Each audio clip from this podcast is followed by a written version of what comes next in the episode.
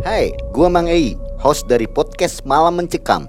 Saat ini gua dan tim sedang bekerja sama dengan Anchor, sebuah aplikasi yang kita gunain untuk membuat dan publish podcast kita ini. Kita mau kasih tahu nih, ternyata membuat podcast itu gampang banget dan 100% gratis. Selain gampang dan banyak digunain, semuanya yang kita perluin untuk membuat podcast juga ada di dalam Anchor. Termasuk untuk distribusi ke Spotify dan platform podcast lainnya. Yuk segera download aplikasi Anchor dan bikin podcast kamu segera. Sobat Malam Mencekam, Assalamualaikum warahmatullahi wabarakatuh. Jumpa lagi bersama saya Mang Ei dan tim yang akan mengabarkan dan mengantarkan kepada Anda kisah-kisah mistis, horor dan mencekam. Baik sambil menunggu berbuka puasa, kita dengarkan cerita narsum kita Angnai. Nah, Angnai akan bercerita tentang pengalamannya ketika menjadi seorang penggali kubur yang mana Angnai mengalami suatu kejadian aneh ketika menguburkan seorang mantan dukun sakti ya. Hmm, paranormal. Paranormal seperti itu dan kejadian-kejadiannya sungguh di luar dugaan. Pada tahun berapa Angnai? 2010 2010 bulan ya. Desember. Dua, eh, pada tahun 2010 bulan Desember. Oke Angnai, gimana sehat? Alhamdulillahirobbilalamin. Sehat selalu, Mai. Kisah dari Angnai sebagai penggali kubur.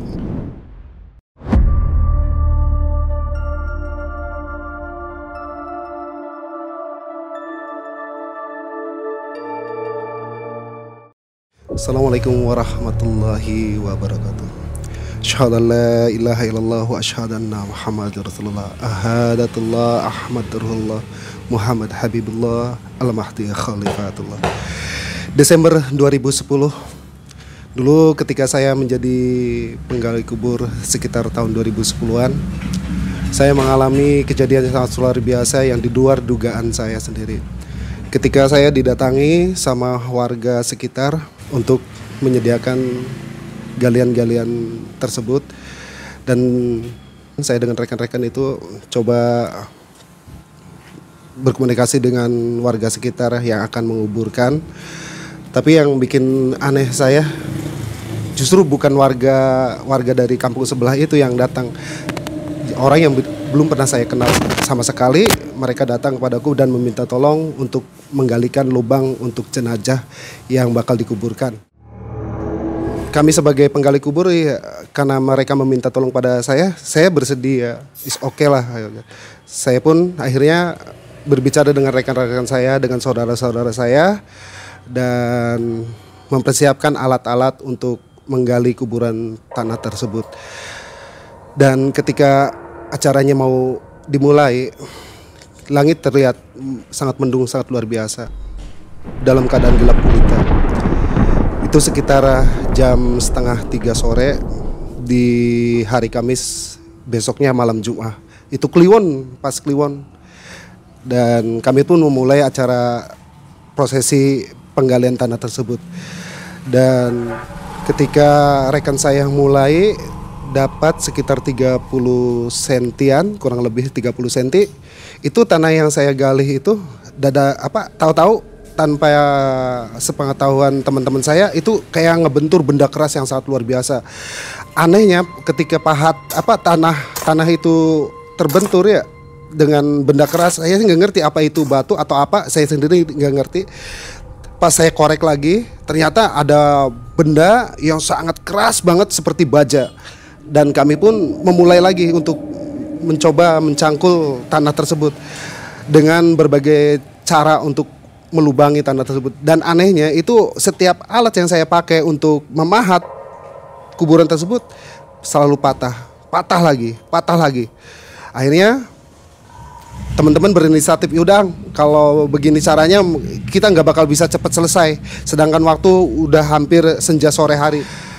Akhirnya teman menyarankan untuk mencari alat yang seimbang dengan bahan yang akan kita pahat tersebut akhirnya teman menyarankan untuk mencari deker dengan deker tersebut pun akhirnya si pat- pahat itu patah lagi patah lagi ketika mulai mesin itu dinyalakan dan gitu mesinnya patah lagi itu mati langsung seketika makanya kami bingung dengan apa saya harus bisa menyelesaikan lubang tanah tersebut. Akhirnya waktu semakin senja, semakin sore, kami kehilangan akal, kehilangan cara. Saya bermunajat sama Allah, ya Allah ya Rob. Jika ini kehendakmu ya Rob, jika ini ridhomu, maka hamba memohon ya Allah dengan keridoanmu maka bukakanlah tanah ini. Biar kami bisa menguburkan jasad orang tersebut. Akhirnya ketika doa dipanjatkan saya ngomong sama rekan-rekan saya suruh mulai lagi pekerjaan tersebut untuk menggali tanah tersebut dan dimulailah dengan izin Allah. Alhamdulillah tanah tersebut bisa dibuka sedikit-sedikit dengan bantuan alat-alat yang tadi saya sebutkan ada deker, ada pahat, ada palunya, ada blencongnya, semuanya saya kerjain semua. Dan alhamdulillah kedalaman pun sesuai yang sudah ditargetkan sekitar satu meter lebihan, satu meter dua puluhan.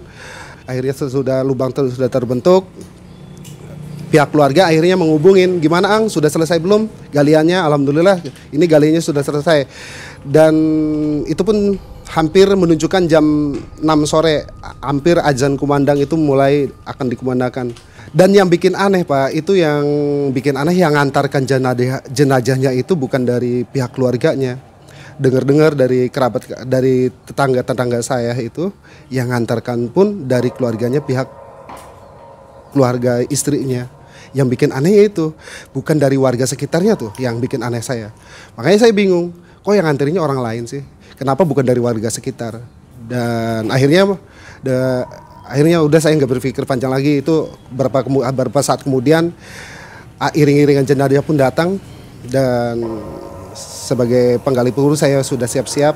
Saya di bawah teman-teman saya rekan saya di bawah semua. Akhirnya saya niatin saya angkat jenazahnya saya kuburin dan ketika proses penguburan tersebut dimulai Pak ada satu ganjalan yang sangat aneh. Ketika si kayu papan ini yang ketika saya pengen saya benamkan itu itu yang anehnya ketika saya ukur kan papannya kan sudah maksimal ya. Sudah maksimal ukurannya pas ya. Itu kan karena ukuran lebarnya kan sekitar antara 70 cm itu ya papan pun saya kurangin itu lebih dari 60 cm yang anehnya ketika papanya mau dimasukin itu si tanah kayak kecil. Saya si tanahnya lubang tanahnya itu kayak mengecil pak. Ya akhirnya saya paksa ini gimana? Oh kata teman saya udah oh, angna kalau kalau begini caranya mungkin nggak bakal cepet selesai. Udah kalau bisa mah papanya dimiringin aja. Makanya sudah saya nggak mau ambil risiko panjang ya akhirnya nggak mau nambahin fitnah yang gimana gimana. Akhirnya papan itu saya miringin aja nggak nggak sejajar tuh pak. Saya nggak apa nggak numpukin itu akhirnya sejajar saya piringin aja. Karena lubang lubang galiannya kan beda-beda. Di setiap desa atau setiap kampung atau daerah itu yang namanya galian lubang pemakaman pasti berbeda-beda. Karena umumnya orang-orang sini orang-orang sekitar uh, wilayah sini wilayah yang saya itu hampir setiap lubang liang lahatnya itu ada di tengah-tengah makanya yang bikin aneh papanya itu nggak pas Padahal sih lubang galiannya sekitar 70 cm, tapi papanya saya kurangin 65 cm. Kok, kok aneh, lubangnya semakin kecil. Udah saya nggak ambil risiko, akhirnya udah dikuburin, kuburin. Saya ratain lagi, udah terbentuk lah. Akhirnya selesailah proses penguburan tersebut. Hanya orang-orang pada pergi semua, orang-orang yang nganterin jenazahnya termasuk pihak keluarganya juga datang, istri dan anaknya datang. Itu saya sama teman-teman ketemu sama istrinya ngobrol ang saya nggak bisa ngasih banyak mudah-mudahan ang ikhlas ridho ketika mengemumikan suami saya. Ya udah. Yang nggak seberapa pak akhirnya saya dapat upah dari dia ya saya bagi-bagikan sama teman saya untuk upah jerih payahnya saya sama itu. Akhirnya saya bagikan. Itu sekitar jam 7 malaman mau pada isa hujan gede pak. Bergelegar pun yang namanya petir itu menyambar-nyambar sangat luar biasa. Gede banget. Gede sangat luar biasa. Saya, saya keluar saya kan masih ada di posisi itu ya pak ya di wilayah pemakaman. Saya kan karena berdomisili tinggal di makamnya tinggal di makam akhirnya itu karena saya mendengar gelemegarnya petir yang sangat luar biasa saya keluar itu anginnya kenceng banget sangat luar biasa kencengnya dan satu kilatan lagi itu menghajar satu pohon yang tepat ada di kuburan tersebut yang bikin saya ngeri itu pak yang namanya pohon tersebut tersambar itu runcing dan masuk ke lubang kuburan tersebut. Nancep pas di tengah-tengahnya. Yang bikin saya takut dan ngeri itu. Hujan sama makin semakin besar, saya masih berdiri di situ, saya deketin. Itu yang satu ledakan lagi itu buar, ya. Kilat yang sangat besar. Itu tanah terbongkar pak tanah terbongkar gitu saya, saya sampai berdinding sampai saya ini saya minggu itu yang namanya jenazah dari dalam liang lahat itu keluar pak buar saya saya saya samperin itu lihat yang namanya kain kafan itu terbakar pak terbakar dalam keadaan terbakar itu saya hampirin cuman saya tidak berani untuk mendekat. Saya lihat dari kain kafannya terbakar kuburannya itu apa berantakan. Akhirnya tanpa pikir panjang saya saya harus melaporkan ke, ke terhadap pihak keluarganya. Akhirnya di rumahnya istrinya saya mendiang istrinya saya ketok pintu. Berapa saat kemudian itu yang keluar anaknya. Anaknya yang keluar. Ada apa ang? Beli saya pengen ketemu mama mama anda dulu. Saya pengen ketemu mama mama apa mamamu sama mimimu. Mimi anak katanya gitu. miminya ada gitu ya. Ada ang ya. Ada apa sih ang? Wis sedelat ang naik pengen ngobrol.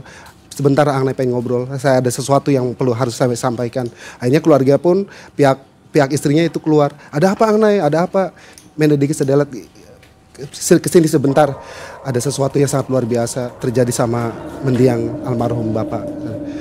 Emang apa ang naik sekian sekarang ibu maning anai melukula jadi itu sedelat ningkanan di pekuburan ada sesuatu ada sesuatu yang sangat luar biasa. Ketika keluarganya itu ikut sama saya dengan diiringi masih hujan yang sangat deras keluarganya ikut sama saya itu sambil menyusuri malam yang sangat gelap gulita. Hampir kang aneh emang itu laka si jiwong kan kang di tempat kunku selama kulang lalui jalan ku ya itu jalan tersebut tidak pernah ketemu sama seseorang pun mungkin karena mereka warga itu takut karena malam hari udah malam ya udah hujannya gede kilatnya pating gleger ya, pating ya bunyi semua yang sangat luar biasa maha dasar ya. Itu sama keluarganya beliau saya hampirin. Itu ketika sampai di kuburan saya melihat mayatnya masih berada di situ. Akhirnya keluarga ngomong, apa yang mereka akhir keluarga pada nangis semua dan ngomong sama saya apa yang terjadi yang naik apa yang terjadi? Udah sekian sih bisa aja kayak bingung kan sudah menyaksikan sendiri keadaan bapak. Bisa aja suwe-suwe kian kula maning anaknya. Jadi saya sama anaknya tuh pak nguburin jasad tersebut nguburin lagi dikuburin lagi. Saya angkat kayunya saya buang ranting-rantingnya kuburnya baru saya beresin lagi.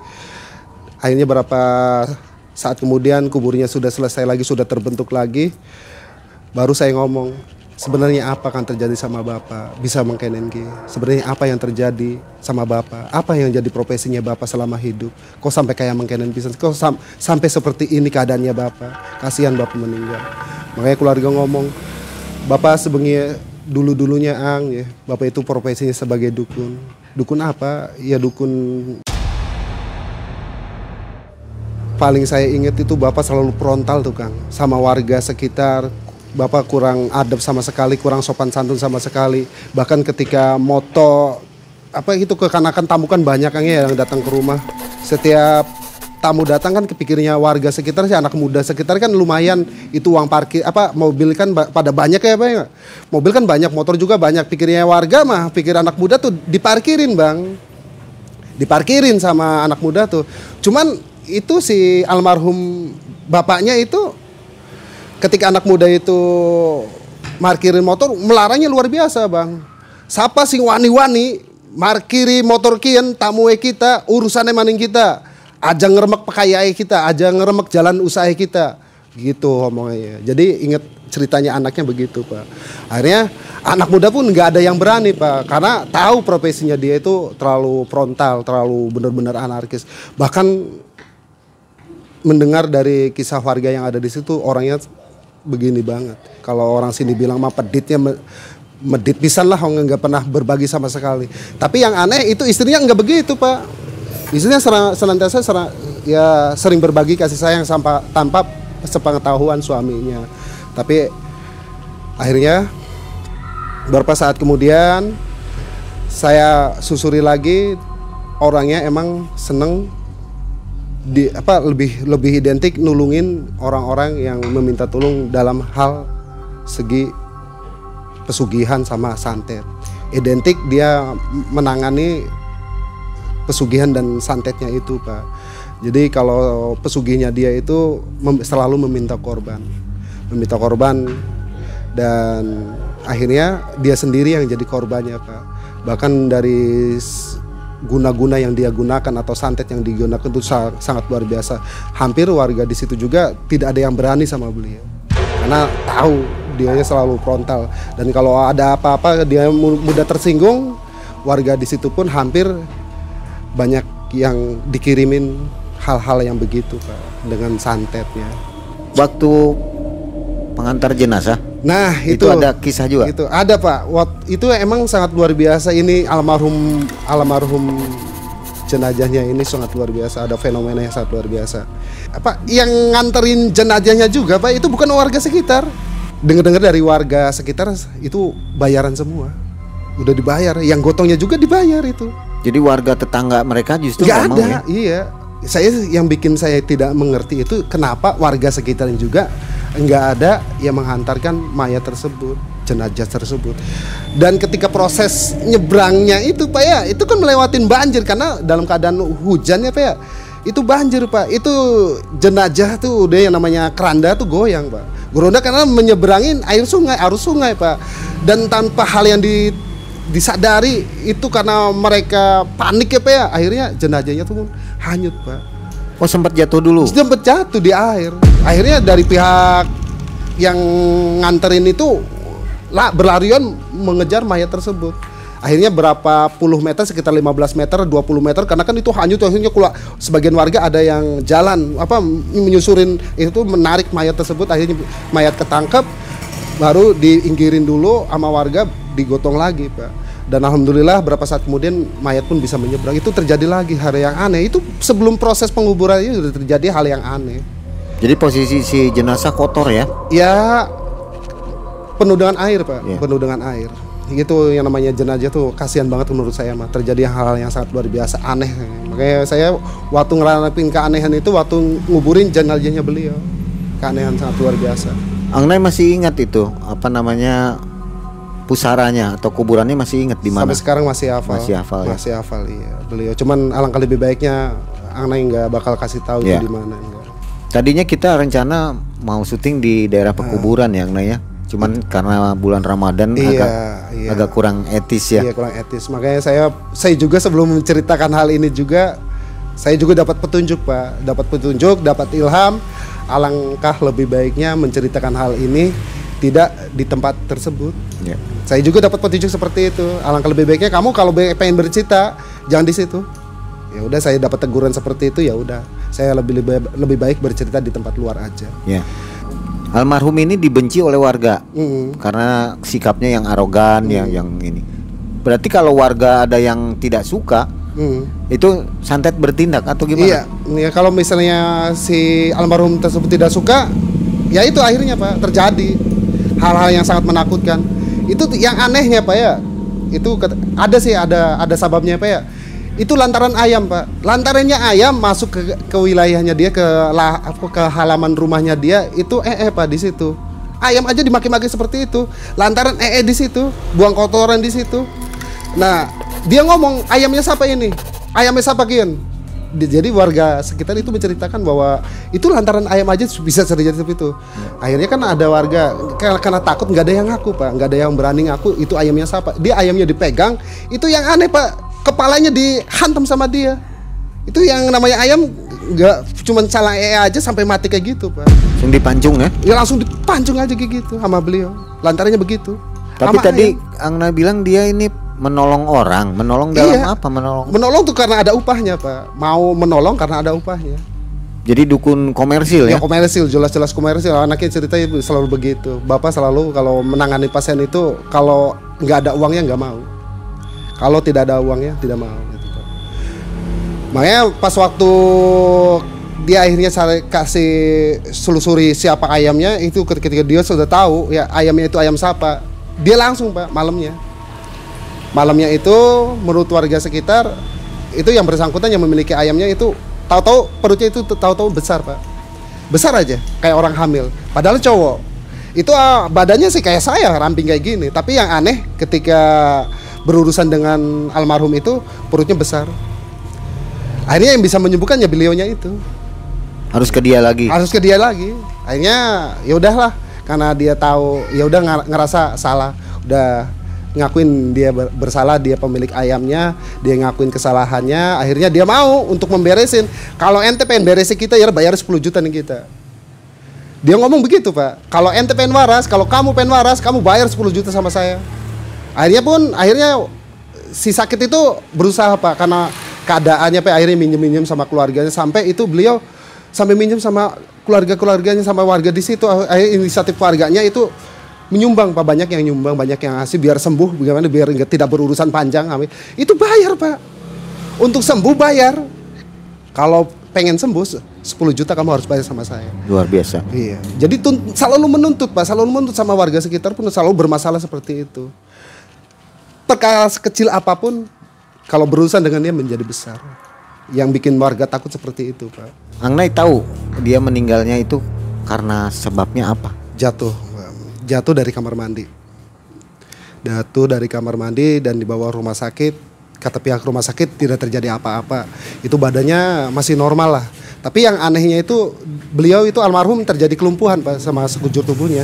Dan berapa saat kemudian, berapa hari kemudian terlihatlah sekujur tubuhnya itu gosong semua. Gosong semua. Dari kakinya sampai wajahnya itu gosong. Bahkan ke, nggak ke- yang kelihatan cuma matanya aja yang putih. Gosong aja gosong. Sampai makanya di pihak keluarga pun akhirnya eh, mencari syariat saya yang lain ya Pak ya. Mencari syariat sama orang-orang pintar dan kata orang pintar ini senjata makan senjata makan tuan. Oh, penyebabnya itu Iya, ya senjata makan tuan. Mungkin dia pernah pernah pernah berselisih paham dengan orang-orang yang sangat luar biasa kesaktiannya juga akhirnya terjadilah benturan-benturan sangat hebat pertempuran yang sangat hebat akhirnya dia terserang dengan tubuh yang hitam legam seperti itu Ketika mayatnya tersambar petir, itu sampai terbuka kuburan. kuburan Wei. Seperti apa jas- jasadnya? jasadnya itu yang namanya kain kafan itu juga gosong. Jo- gosong dan termasih ada percikan api yang membakar kain kafan tersebut. Masih Hitam Iya. hitam aja gosong. Masih terbakar kain kafannya tersebut masih terbakar. Makanya pihak keluarga pun menangis. Termasuk istrinya dan anaknya itu menangis. Apa yang terjadi? Apa yang terjadi? Apa yang terjadi terhadap almarhum bapak? Apa yang terjadi ah, wallah alam saya sendiri tidak tahu. Cuman saya melihat kejadian tersebut ketika ada sempir apa petir yang sangat luar biasa menggelegar tersebut. Dan pohon tersebut jatuh pas tepat di pekuburannya itu akhirnya dengan sambaran kedua kok kuburan itu meledak Pak dan keluarlah jenazah tersebut. Ketika disambar petir, yang melihat pertama Angnai. Aneh karena tidak ada yang menghuni wilayah situ nggak ada lagi Pak. Saya sendiri ya. Saya sendiri ya. Jadi Angnai langsung bergegas menyusul keluarganya. Iya, ya? ya, ada inisiatif saya berpikir ah alangkah lebih baiknya saya memberitahukan dulu keluarganya. Kalau saya kuburkan sendiri kan kurang etis kayaknya Pak. Makanya ketika keluarganya tahu sih ya udah. Akhirnya keluarga menyarankan udah saya sama keluarga saya sama anaknya karena beliau kan anak semata wayang anaknya cuma satu. Akhirnya saya saya sama sama anaknya angkat lagi kuburan tersebut akhirnya ditimpa lagi sudah, beres dan alhamdulillah tidak pernah terjadi apa-apa lagi. Saya mu- bermunajat sama Allah Subhanahu wa taala semoga jasanya beliau diterima sama Allah, diterima sama bumi. Akhirnya kena batunya juga ya. Jatuh ya juga itu ya. karena balasan karena timpahan amal perbuatannya dia seperti itu. Akhirnya lantaran sebab jatuh akhirnya lumpuhlah dia. Lumpuh nggak bisa jalan dan gosong sekujur tubuhnya. Dan yang mengerikan sampai proses pemakaman pun banyak gejala-gejala yang sangat luar biasa sampai hanyut jenazah dia sampai proses pemakamannya pun itu terjadi malam harinya kena petir. Itu yang bikin saya takut ngeri itu masih inget pak. Itu pak yang namanya ranting begitu besar itu pas tepat di kuburannya dia. Seperti film uh, seperti sinetron ya jadinya. kalau di diceritakan TV itu kalau di kayak di tuh kayak bagus lah mungkin kalau diceritain pak. Jadi ini. Seperti apa? Sinetron ajab itu ya. ajab iya. Bener-bener kayak sinetron ajab bener. Saya sih menyaksikan sendiri Ini saya pikir cerita rekayasa, mungkin uh, penonton rekayasa karena ya ada di intinya TV ya. bukan rekayasa. Kalau saudara-saudara sekalian saudaraku tahu mungkin kalian akan bercerita seperti saya. Hal yang menakutkan Ini hal yang saya takutkan seperti itu sebagai penggali kubur. Itulah yang terjadi. Kisah nyata yang seperti betul-betul sangat terjadi. Kalian tak takkan pernah menyangka kalau hal hal yang menakutkan itu jika terjadi terhadap kalian. Inilah saya. Inilah sosok seorang penggali kubur. Oke, terima kasih Angnai kisahnya yang luar biasa, menginspirasi dan menjadi pedoman untuk kita ya bahwa makhluk itu pasti mati. Sobat MM, wabillahi topik wal hidayah. Assalamualaikum warahmatullahi wabarakatuh. Waalaikumsalam warahmatullahi wabarakatuh.